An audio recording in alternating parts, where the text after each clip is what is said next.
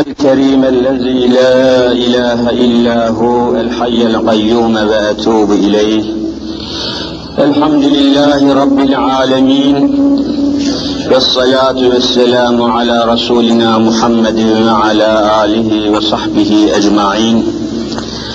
أعوذ بالله من الشيطان الرجيم. بسم الله الرحمن الرحيم. رب اشرح لي صدري ويسر لي أمري. واحلل عقدة من لساني يفقه قولي. آمين. بحرمة حبيبك الأمين. أما بعد فالأول الله والآخر الله والظاهر الله والباطن الله. فمن كان في قلبه الله فنعينه في الدارين الله. فمن كان في قلبه غير الله فخصمه في الدارين الله لا إله إلا الله والحق الملك المبين محمد رسول الله صادق الوعد الأمين Aziz müminler, muhterem Müslümanlar, geçen derslerimizin devamı, geçen ders üzerinde durduğumuz konuların, kavramların, kelimelerin devamı şeklinde bugün de gelişen olaylar, meydana gelen hadiseleri de birbiriyle irtibatlandırmak suretiyle sohbetimizi yine aynı çerçevede, aynı manada devam ettirmek maksadıyla bizi burada toplayan, bizi hidayet nuruyla nurlandıran, bizi bunca insan kalabalığı içinde mümin sıfatıyla sıfatlandıran Hazreti Allah Celle Celaluhu zatına hamdü senalar olsun, sonsuz şükürler olsun. Hadiseler o kadar çok, o kadar yoğun devam ediyor ki her zaman ifade ettiğimiz gibi hangisini kürsüye getireceğimizi inanın ki şaşırıyoruz. Olaylar, eylemler, aksilikler, sıkıntılar, belalar, musibetler, savaşlar, katliamlar, ne kadar lügatlerde, sözlüklerde olumsuz kelimeler varsa hepsi alemi İslam'ın üzerine bulutlar gibi çökmüş durumda.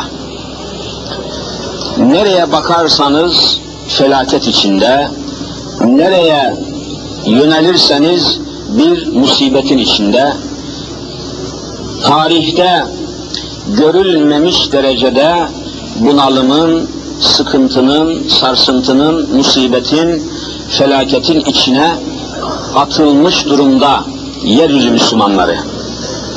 Neresinden başlayacağınızı, hangi hususu ele alacağınızı emin olun ki şaşırmaktayız ve nelerle, hangi konularla, hangi meselelerle, ne ölçüde, nasıl, nereye kadar uğraşacağımızı kesinlikle kestiremiyoruz. Bu kadar alemi İslam, İslam tarihi içinde alemi İslam dediğimiz Müslümanlardan meydana gelen dünya Müslümanlarının nüfusu ve coğrafyası bu kadar karışıklığa, bu kadar perişanlığa tarihte itilmiş değildi. Bu kadar yeryüzü Müslümanlarının İslam tarihi içerisinde bugünkü kadar kalitesiz, bugünkü kadar tesirsiz, bugünkü kadar eylemsiz bir Müslüman topluluğu görülmemişti. Sayı itibariyle hiç de küçümsenemeyecek kadar bir miktara ulaştığı halde İslam alemi bir buçuk milyar gibi korkunç bir rakama ulaştığı halde dünya siyasetinde, dünya ticaretinde bir buçuk gram ağırlığı yok bu alem İslam'ın. tarihte bu kadar tesirsiz, nüfussuz, etkisiz hale hiçbir zaman gelmemişti. Tabii bunların sebepleri üzerinde durmak lazım ama hangi birinin üzerinde duracaksınız? Ancak geçen cuma konumuz ezan-ı Muhammedi okunduğu için bitmemiş idi.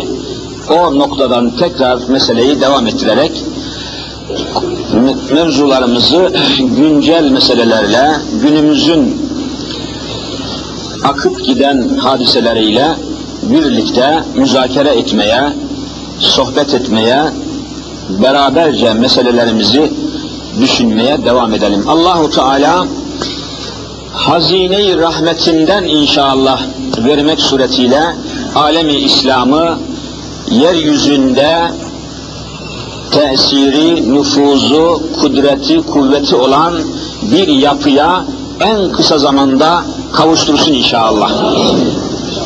Evet.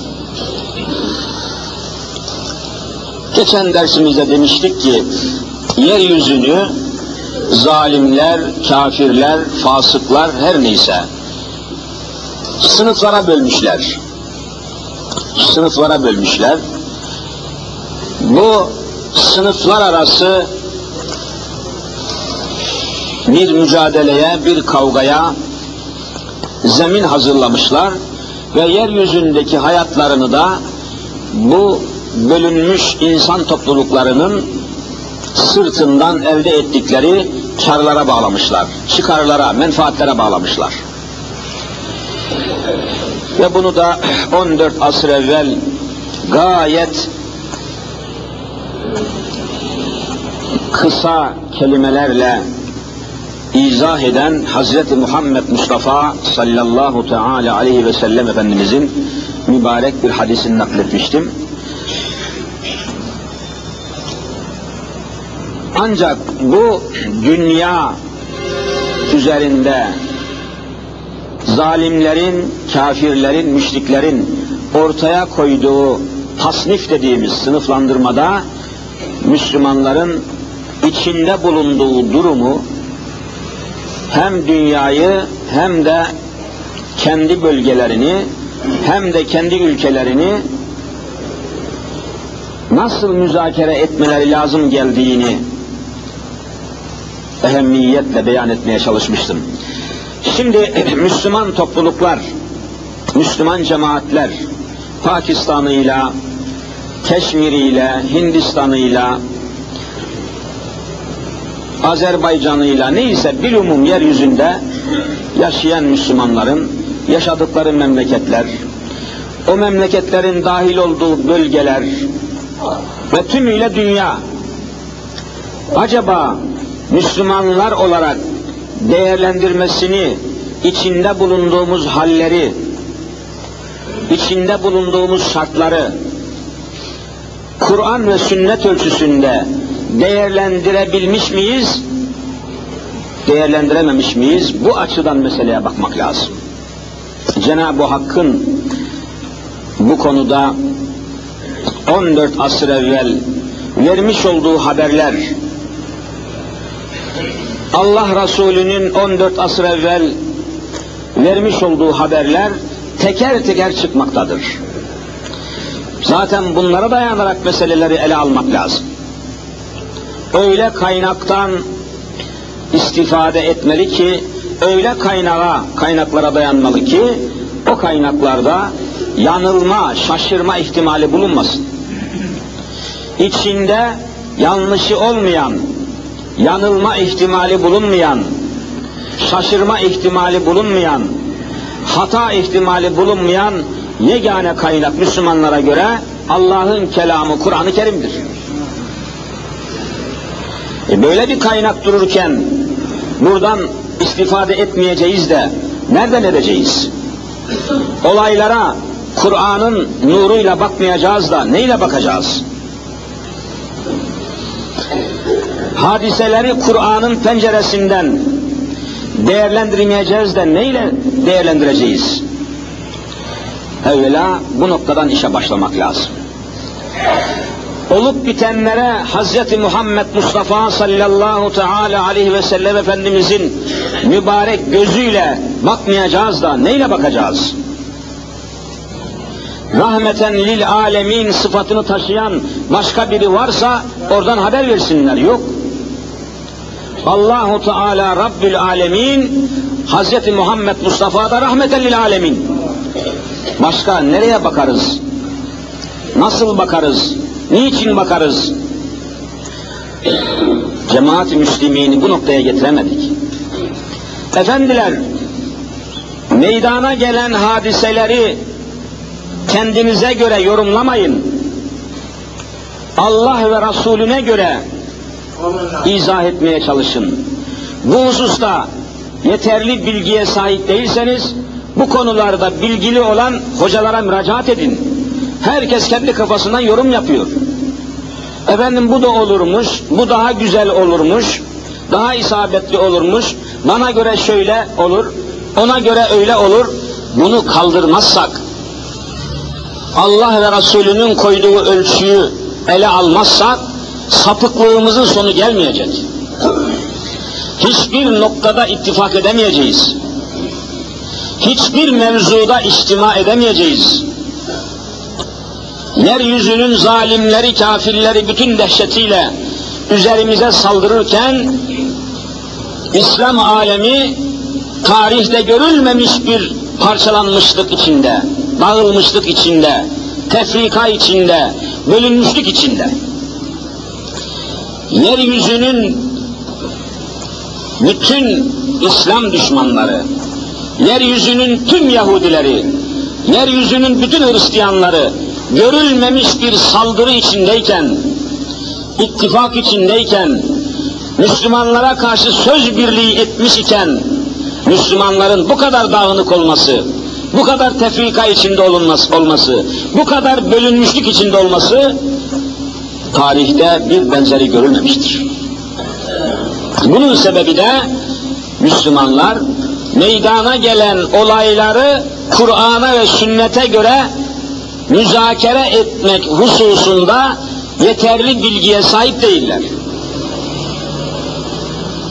Bu konuyu önlerine hangi mesele gelirse gelsin, gazeteler ne yazarsa yazsın, televizyon hangi haberi yayınlarsa yayınlasın, Müslüman topluluk bu yayınların, bu yorumların, bu olayların, bu eylemlerin değerlendirmesini Kur'an'a ve sünnete göre yapmadıkça kölelikten kurtulamayacak. Kölelikten kurtulamayacak. Evvela zihnen arınmak lazım. Her şey olabilir. Ama sen Müslümansın, olur mu olmaz mı diye düşünürken Kur'an'a göre düşünmek, sünnete göre düşünmek zorundasın.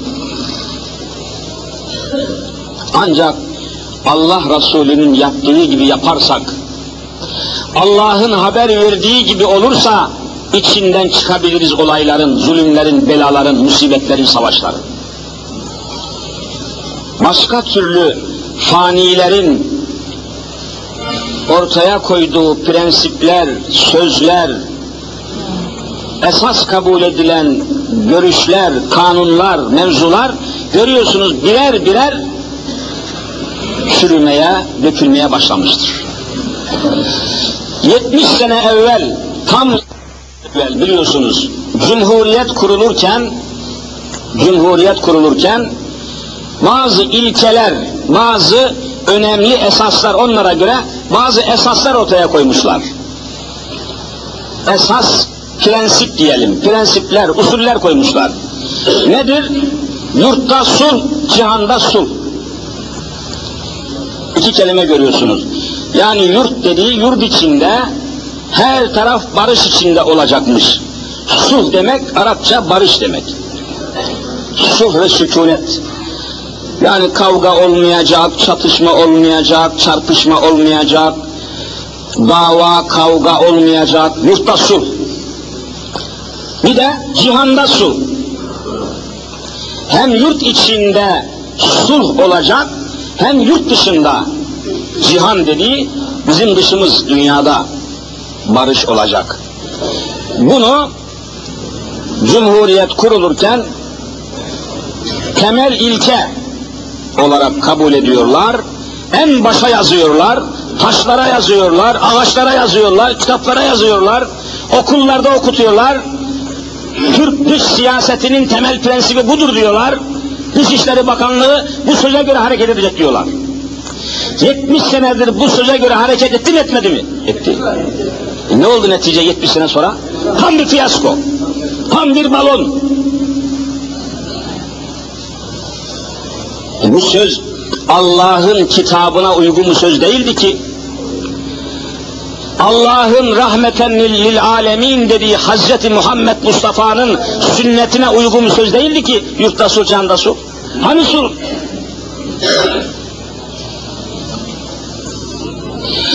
Buraya gelmeden bir buçuk saat evvel bir Müslüman kardeşim telefon etti. Erzurum'dan gelmiş. Vallahi yemin ederek söyledi. Erzurum'dan çıktım diyor otobüse binmiştim. Yani çıkıncaya kadar 14 yerde araba otobüs durduruldu. Kimlik yoklaması yapıldı diyor. 14 yerde ya memleket gitmiş durumda. Bu 14 sefer otobüsümüzün durdurulması ve kimlik yoklamasının diyor yarısını PKK yaptı, yarısını Türk askeri yaptı diyor. Bak Türkiye bölünmüş. Biz geçtik diyor neyse arkamızdan bir otobüs daha gelmiş diyor. Onu da durdurmuşlar. Aynen hadise böyle. Dünkü gazetelerin bir kısmı da yazıyor bu hadiseyi. Otobüsü durdurmuşlar. Kapı açılmış, içeriye girmiş bir tanesi. 24 numarada oturan adam aşağı insin demişler. Aynen.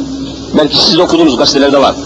24 numarada oturan yolcu aşağı insin demişler. Adam kalkmış inmiş. Kimliğine bakmışlar. Ulan sen değilsin. Burada bir binbaşı olacaktı demişler. Nerede o binbaşı? Şoför demiş ki kardeşim haklısınız. Binbaşıya verilmişti o 24 numara ama o kimlik cüzdanını unuttuğu için bu otobüse binmedi. Başka otobüse bindi. Kusura bakmayın demiş. Hemen kursuna dizeceklerdi adamı. Kızmışlar, hem şoförü hem de muavinini kursuna dizmişler orada. Ve otobüsü de yakmışlar. Şu gün. Peki, bağdaki bu adam, Erzurum'dan hareket eden otobüsün 24 numarasında bir binbaşının oturduğunu nereden biliyor? Geliyor, 24 numaradaki yolcu aşağı insin diyor. Sen hala yurtta sul, cihanda sul. Mümkün değil.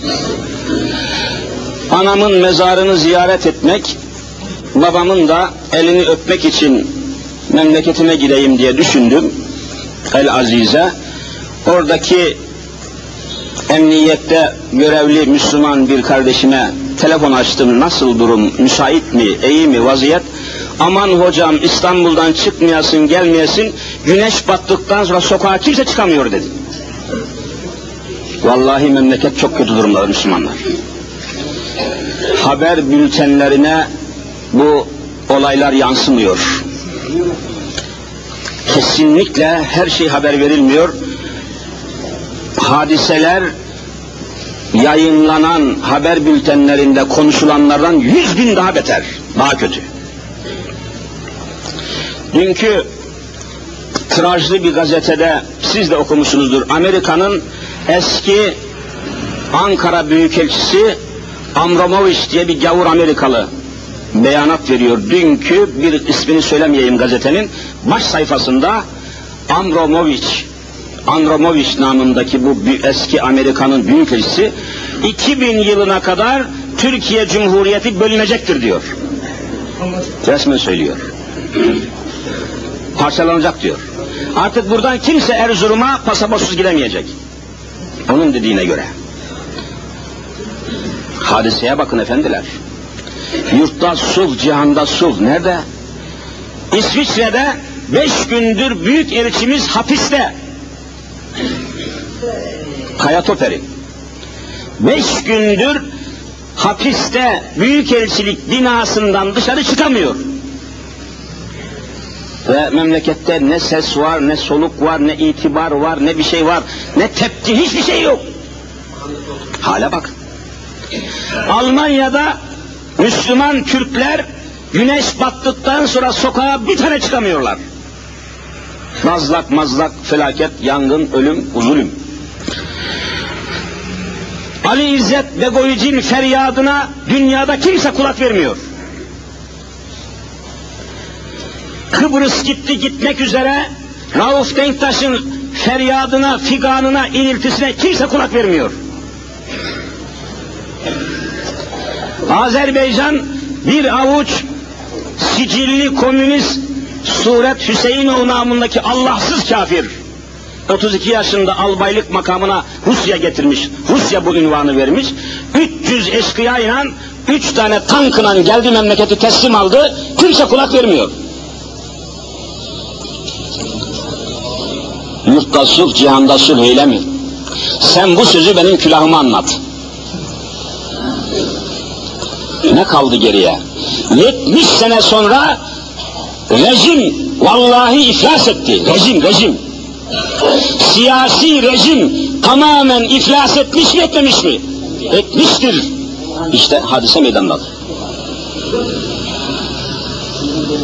Ya eğer vaktiyle bu gerçekleri konuşmak, anlatmak, söylemek, tartışmak mümkün olsaydı bu noktaya gelmeyecektik. İki sene evveline kadar 163. madde diye ceza maddesi vardı. 163. madde. Türk Ceza Kanunu'nun 163. maddesi. Öyle bir madde koymuş ki din namına, İslam adına hiçbir şey açıklama yapamazsın. Laikliğe aykırı konuşma, laikliğe aykırı yazma, laikliğe aykırı hutbe okuma, laikliğe aykırı vaaz verme suçundan soluğu işte iki sene evveline kadar kürsüden indikten, vaazdan sonra, camiden çıktıktan sonra soluğu ya karakolda alırdık, ya savcılıkta alırdık, ya müftülükte alırdık. Gel bakayım hesap. Niye böyle konuştun? Dosyalarıma bakıyorum tam 48 mahkemede yargılanmışım. 48 ayrı mahkemede ya. Bu kadar baskı yapılır mı? Bu kadar baskı olur mu? Vaktiyle biz çok şeyleri zamanında açıklasaydık, Kur'an'ı, sünneti konuşabilseydik, halkı uyarabilseydik, bugün Güneydoğu Anadolu bölgesi bu duruma gelmeyecekti. Konuşamadık. Konuşanlar mahkemelerde inim inim inledi. Tam 48 ayrı mahkemede yargılanmışım vallahi ya. Cumhuriyet savcılarının bu 48 ayrı mahkemede hakkında talep ettikleri hapis müddeti 328 sene tutuyor. Ne var, niye bu kadar baskı yaptınız? Neydi yani? Önümüzde bir Kur'an-ı Kerim vardı. Hz. Muhammed Mustafa'nın hadisleri vardı. Niye bu kadar takip ettiniz? Niye anamızı ağlattınız? Niye anamdan emdiğimi burnumdan getirdiniz? Niye bu kadar zulmettiniz, takip ettiniz? Ne oluyordu? İşte bak ne hale geldi memleket. Dün de masum, hiçbir suçu olmayan bir polis memuru kardeşimizin, güvenlik görevlisi bir kardeşimizin kardeşini vurmuşlar. Okudunuz gazetelerde. Aynı benziyor, ikiz gibi. Takip etmişler. O sivil giyimli olduğu için öldürmek üzere çıkmışlar. Aynen yüz hatları, kaşı, gözü, yüzü aynı benzediği için o polis zannederek öz kardeşini öldürmüşler sokak ortasında. Kim koruyacak bunları? Öyle bir belanın, musibetin, afetin, felaketin içine düştü ki memleket e, savaş olsa cepheniz belli olur. Kimin savaştığı belli olur, kimin galip, kimin mağlup geldiği belli olur. Böyle değil. Bir bakıyorsunuz Antalya'da, bir bakıyorsunuz Adana'da, bir bakıyorsunuz Erzincan'da, bir bakıyorsunuz okulda, bir bakıyor otobüste. Korkunç bir belanın içine sürüklenmiş memleket aman konuşma, aman söyleme, aman beyan etme, açıklama yapma. E ne olacak peki? Andromovic, Amerikalı eski Ankara Büyükelçisi Amerika'nın, vallahi dünkü gazetede diyor, 2000 yılına girmeden Türkiye bölünecek diyor. Ne olacak peki? Parlamento adeta hiçbir şey olmamış gibi, hiçbir şey yokmuş gibi tatillerini yapıyorlar. Deniz kenarlarında, yazlıklarda, koylarda, köylerde bakanlık kavgaları, koltuk kavgaları, koltuk sevdaları. Ne olacak Müslümanlar? Bu böyle gitmeyecek. Yurtta sulh, cihanda sulh lafı 70 sene sonra işte balon gibi söndü ve boş laf olduğu tümül ortaya çıktı. Ya bakın Kıbrıs'ta mesela Maraş dediğimiz yer Maraş. Kavga yok, gürültü yok, savaş yok, eylem yok. Kimsenin burnu kanamıyor. Şu anda gündemde orası var. İlla verin burayı. Birleşmiş Milletler verin diyor. Efendim Butros Gali namında kafir bir Yahudi. Bunun dedesini Osmanlı Devleti asmış bu gavurun. Butros Gali'nin dedesini idam etmiş Osmanlılar. Şimdi kabalıyor herif, milletlerin başına geçmiş. Verin Maraş'ı diyor. Maraş'ı verdiğiniz zaman vallahi Magosa'yı isteyecek. Magosa'yı verin Kıbrıs isteyecek. Kıbrıs'ı verin İstanbul isteyecek. Bu sonu gelmez. Hiç toprak verilir mi? Ama işte bunlar gündeme getirildi.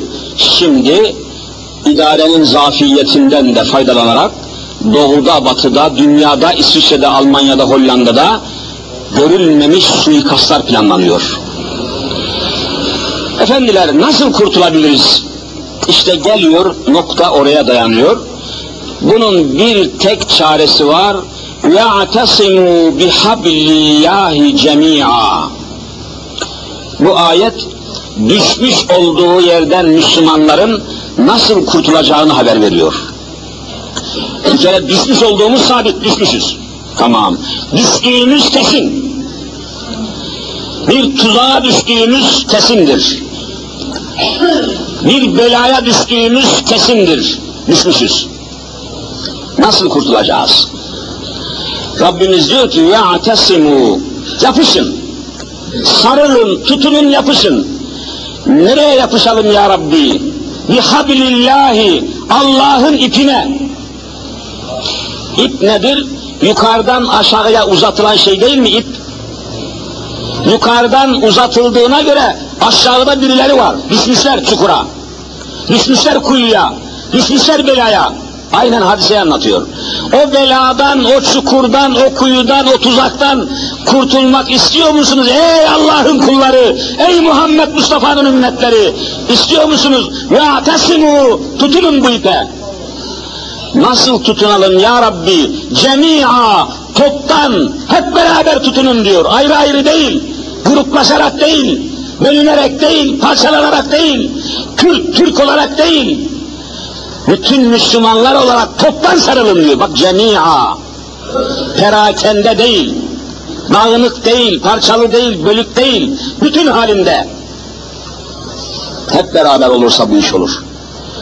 İktisadi belalardan, siyasi musibetlerden, askeri işgallerden, her şey Vallahi Kur'an'a göre birlikte hareket etmektir. Birlikte hareket. Hocalar birlikte hareket edecek. Şeyhler birlikte, müritler, sofular, dervişler, tüm Müslümanlar beraber hareket etmedikçe hepimizi öldürecekler. Ayete göre söylüyorum ben. Şimdi buna bir örnek olarak evvela Peygamberimiz Efendimiz Hazreti Muhammed Mustafa'dan misal vereyim. Sallallahu aleyhi ve sellem. Ne olur aklınızda kalsın. Biliyorsunuz hicretten sonra Medine-i Münevvere'de Allah'ın Resulü İslam devletini kurdu. Hicretin önemi buradan geliyor. İslam devleti ne zaman kurulmuş? Hicretten sonra. Onun, onun hicret Müslümanların takviminin başı sayılmıştır. Müslümanların yılbaşısı hicret ile başlar. İslam'ın devleti kurulduğu için devleti olmayan Müslüman hayvan sürüsüdür. Hiçbir hakkını müdafaa edemez, hiçbir sonuca ulaşamaz. Hicretten sonra İslam'ın devletini kurdu biliyorsunuz ve İslami yapıyı yerleştirmeye başladı. Nerede? Medine'de.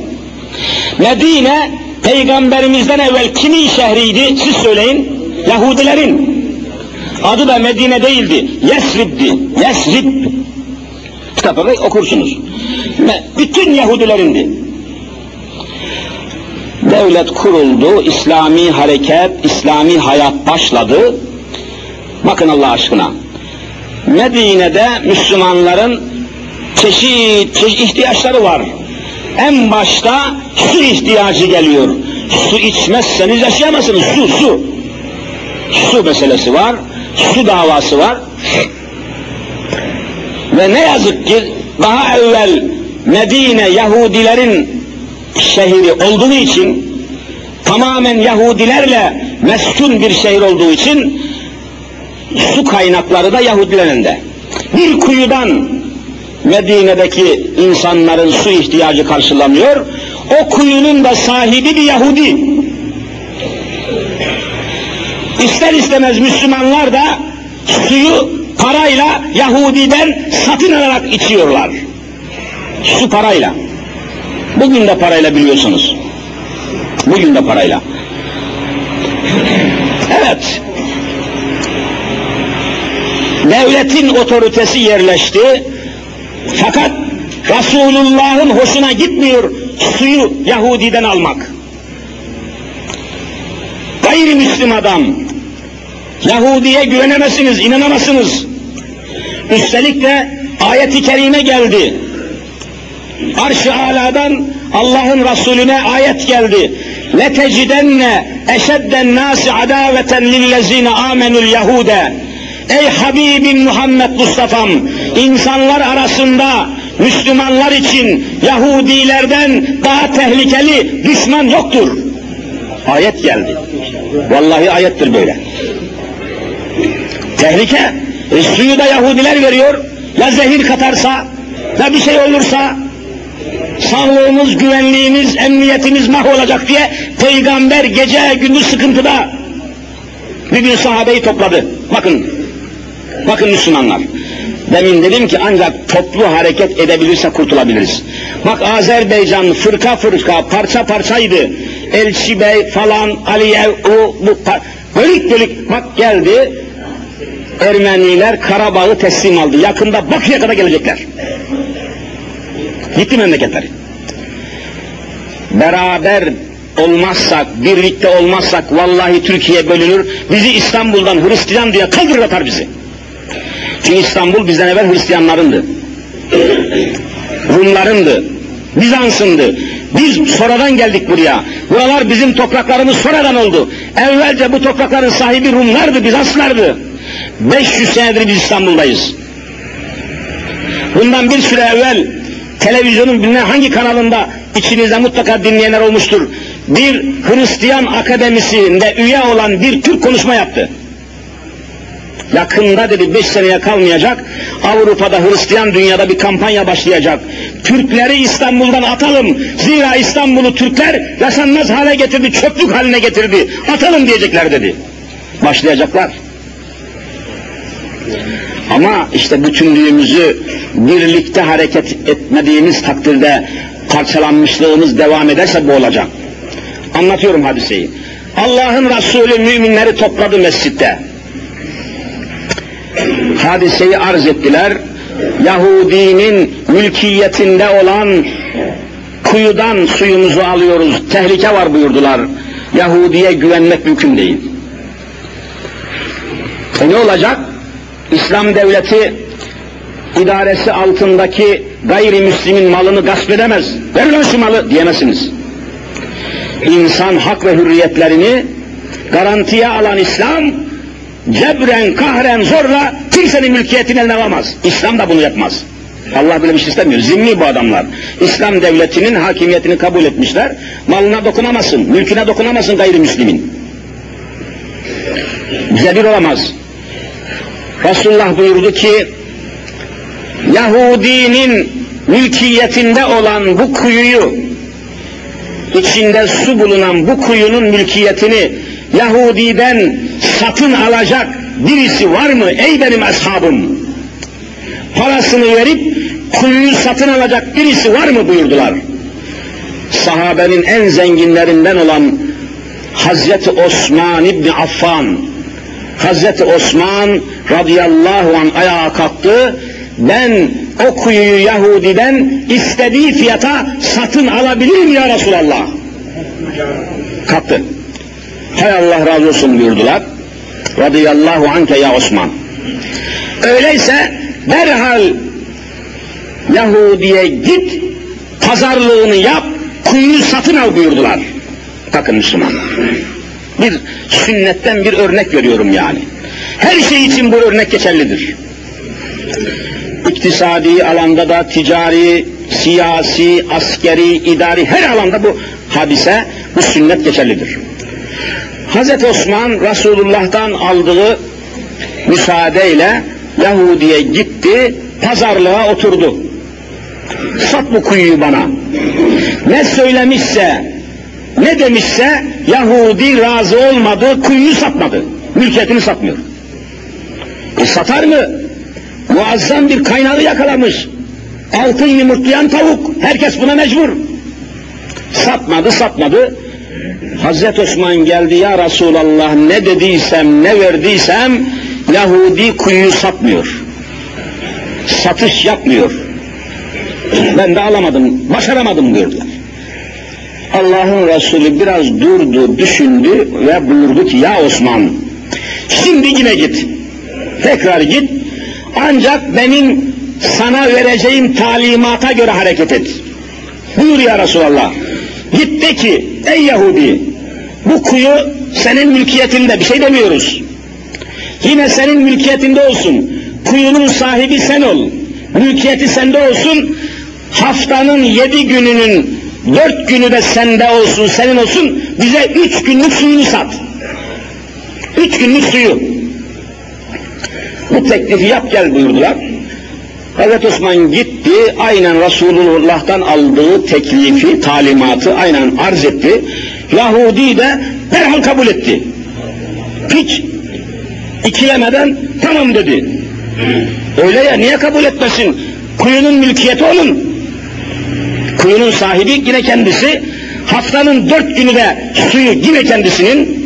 Üç gününü sadece çok büyük bir parayla satmış oluyor ki bir şey sezmedi, bir şeyden şüphelenmedi ve tamam anlaşmayı kabul etti, sözleşmeyi kabul etti ve kuyunun üç günlük suyunu sattı. Hazreti Osman geldi, tamam ya Resulallah buyurduğunuz gibi arz ettim, satış tamam, üç günlük suyunu aldım dedi. Hemen dellallar, gizlice dellallar çıkarıldı, haberciler çıkartıldı bütün Medine Müslümanlarına. Her tarafa haber gönderildi ki her Müslüman ihtiyaç duyduğu suyun tamamını bu üç gün içinde alacak, geriye kalan dört günde kimse yaklaşmayacak. Peygamber talimatı bu. Herkes o üç gün, çünkü Hazreti Osman para almıyordu, ücretsizdi, parasızdı. Hiç su parayla satılır mı? Hayati maddedir.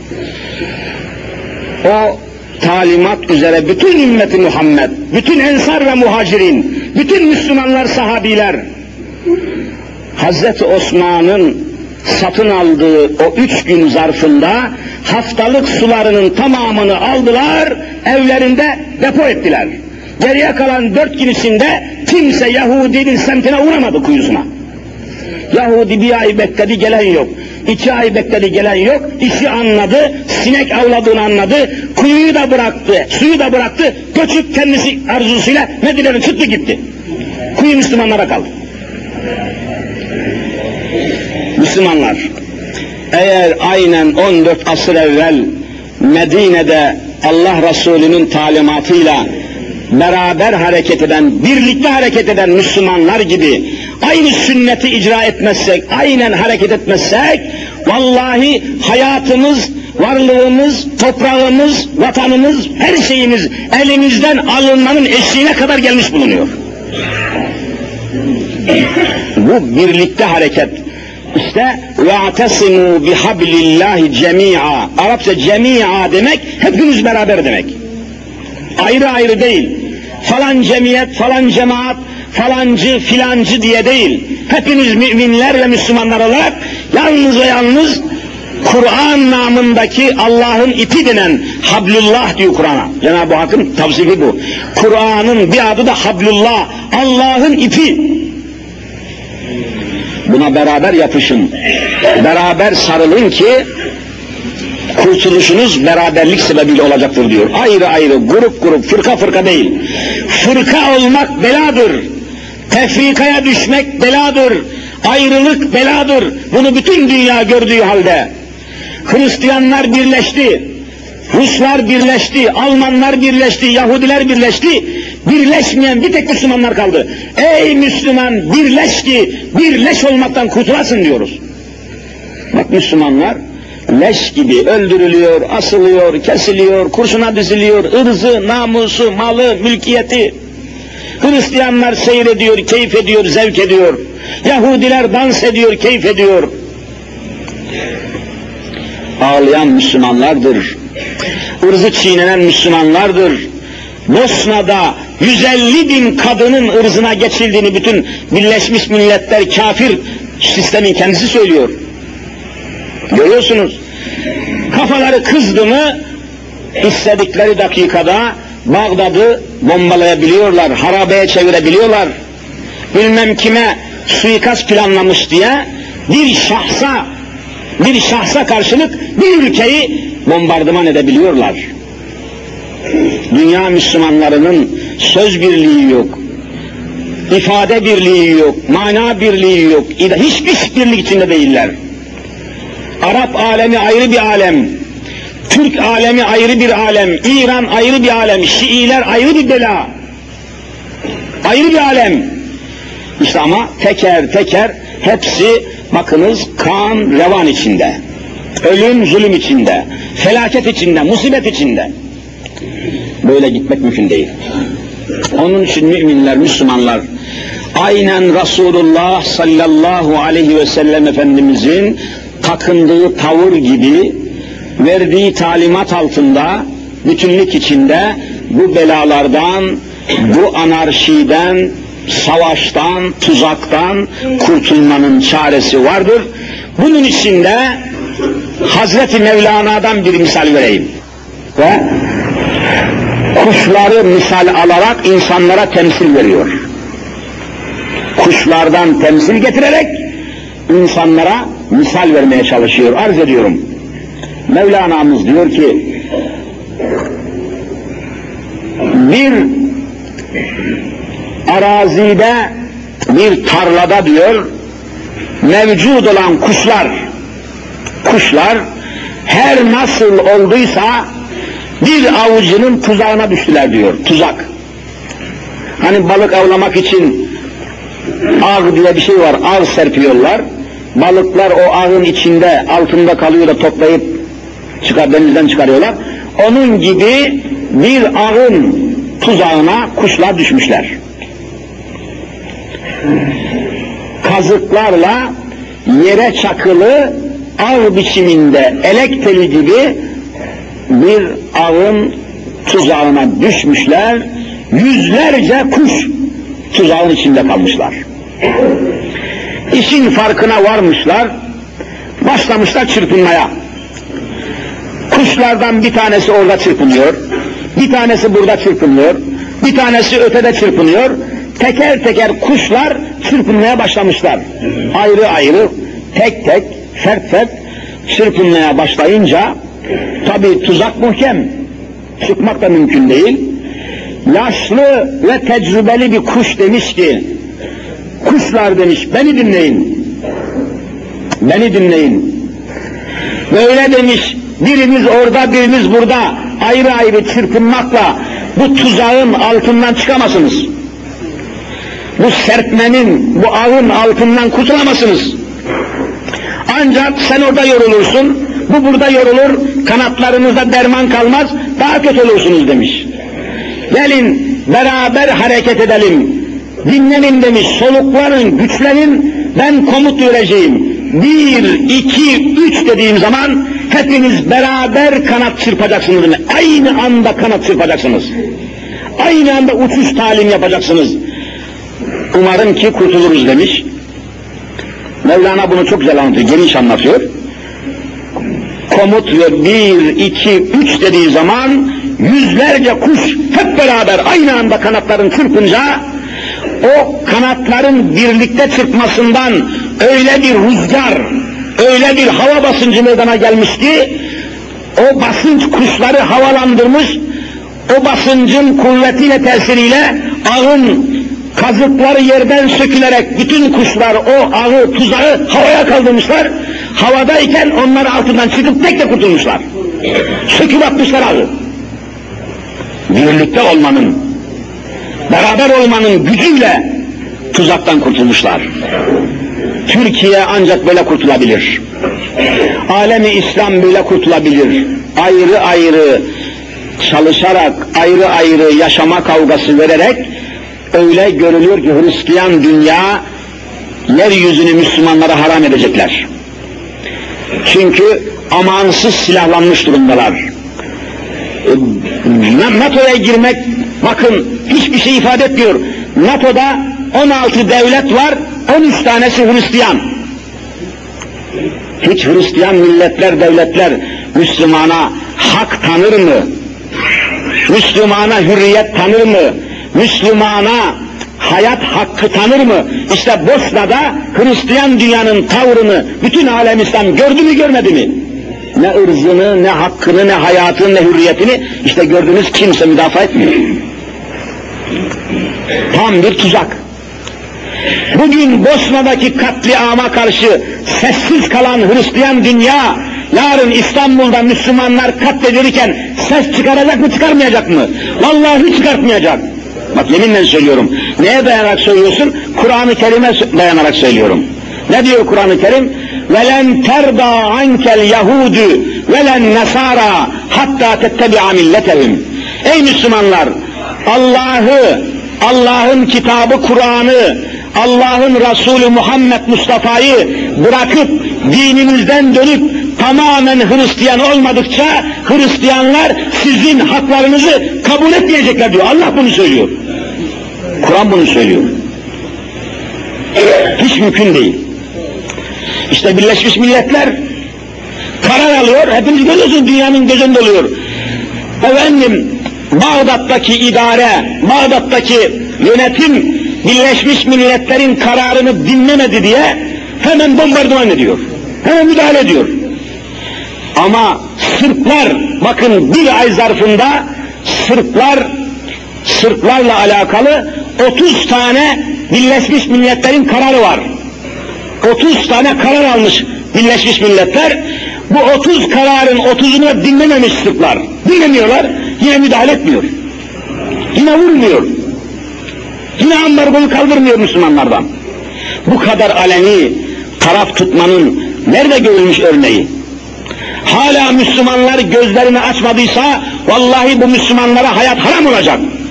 Dünya haram olacak. Birleşmiş Milletler İsrail hakkında dünya kadar karar almış. Kınama kararı, işte şunu şöyle yapma, bunu böyle yapma diye karar almış. İsrail Birleşmiş Milletler'in kararlarından hiçbirisini dinlememiş şu ana kadar.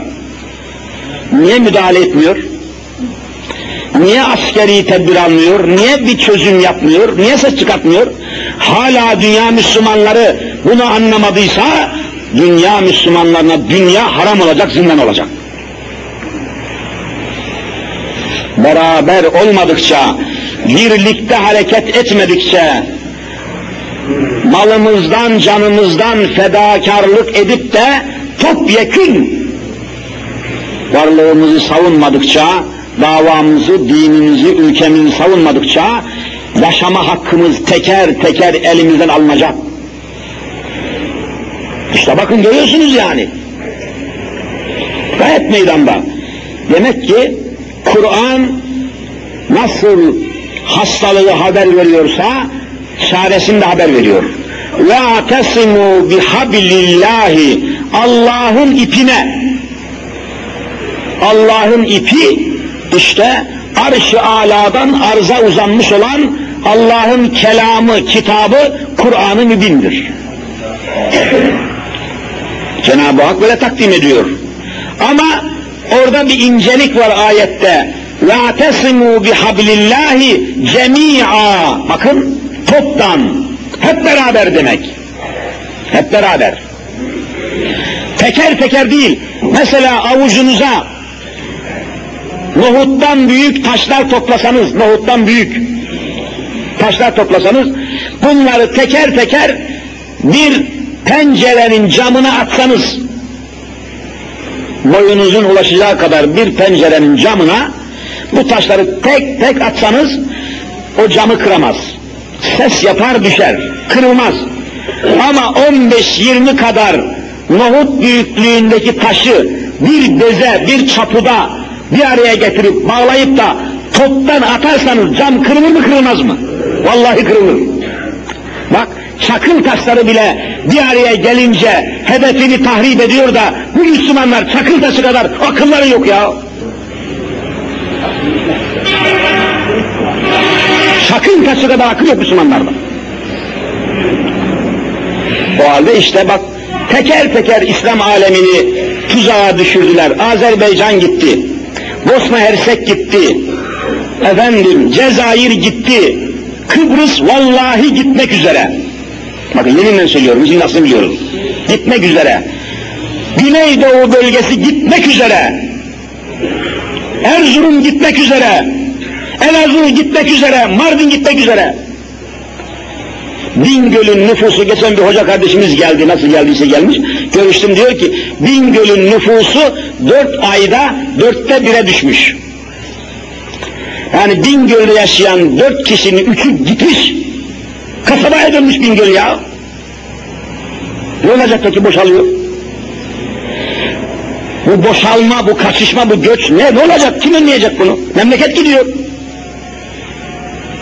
Altı katlı apartmanı diyor adam satlığa çıkarttı Bingöl'de. Altı katlı apartman 50 milyona kimse almadı diyor. Apartman. Kaçıyor herkes. Kim kaçırtıyor bunları? Ne oldu bu memleketin çocuklarına? Ne oldu bu Müslümanlara? Nerede hükümet, nerede devlet?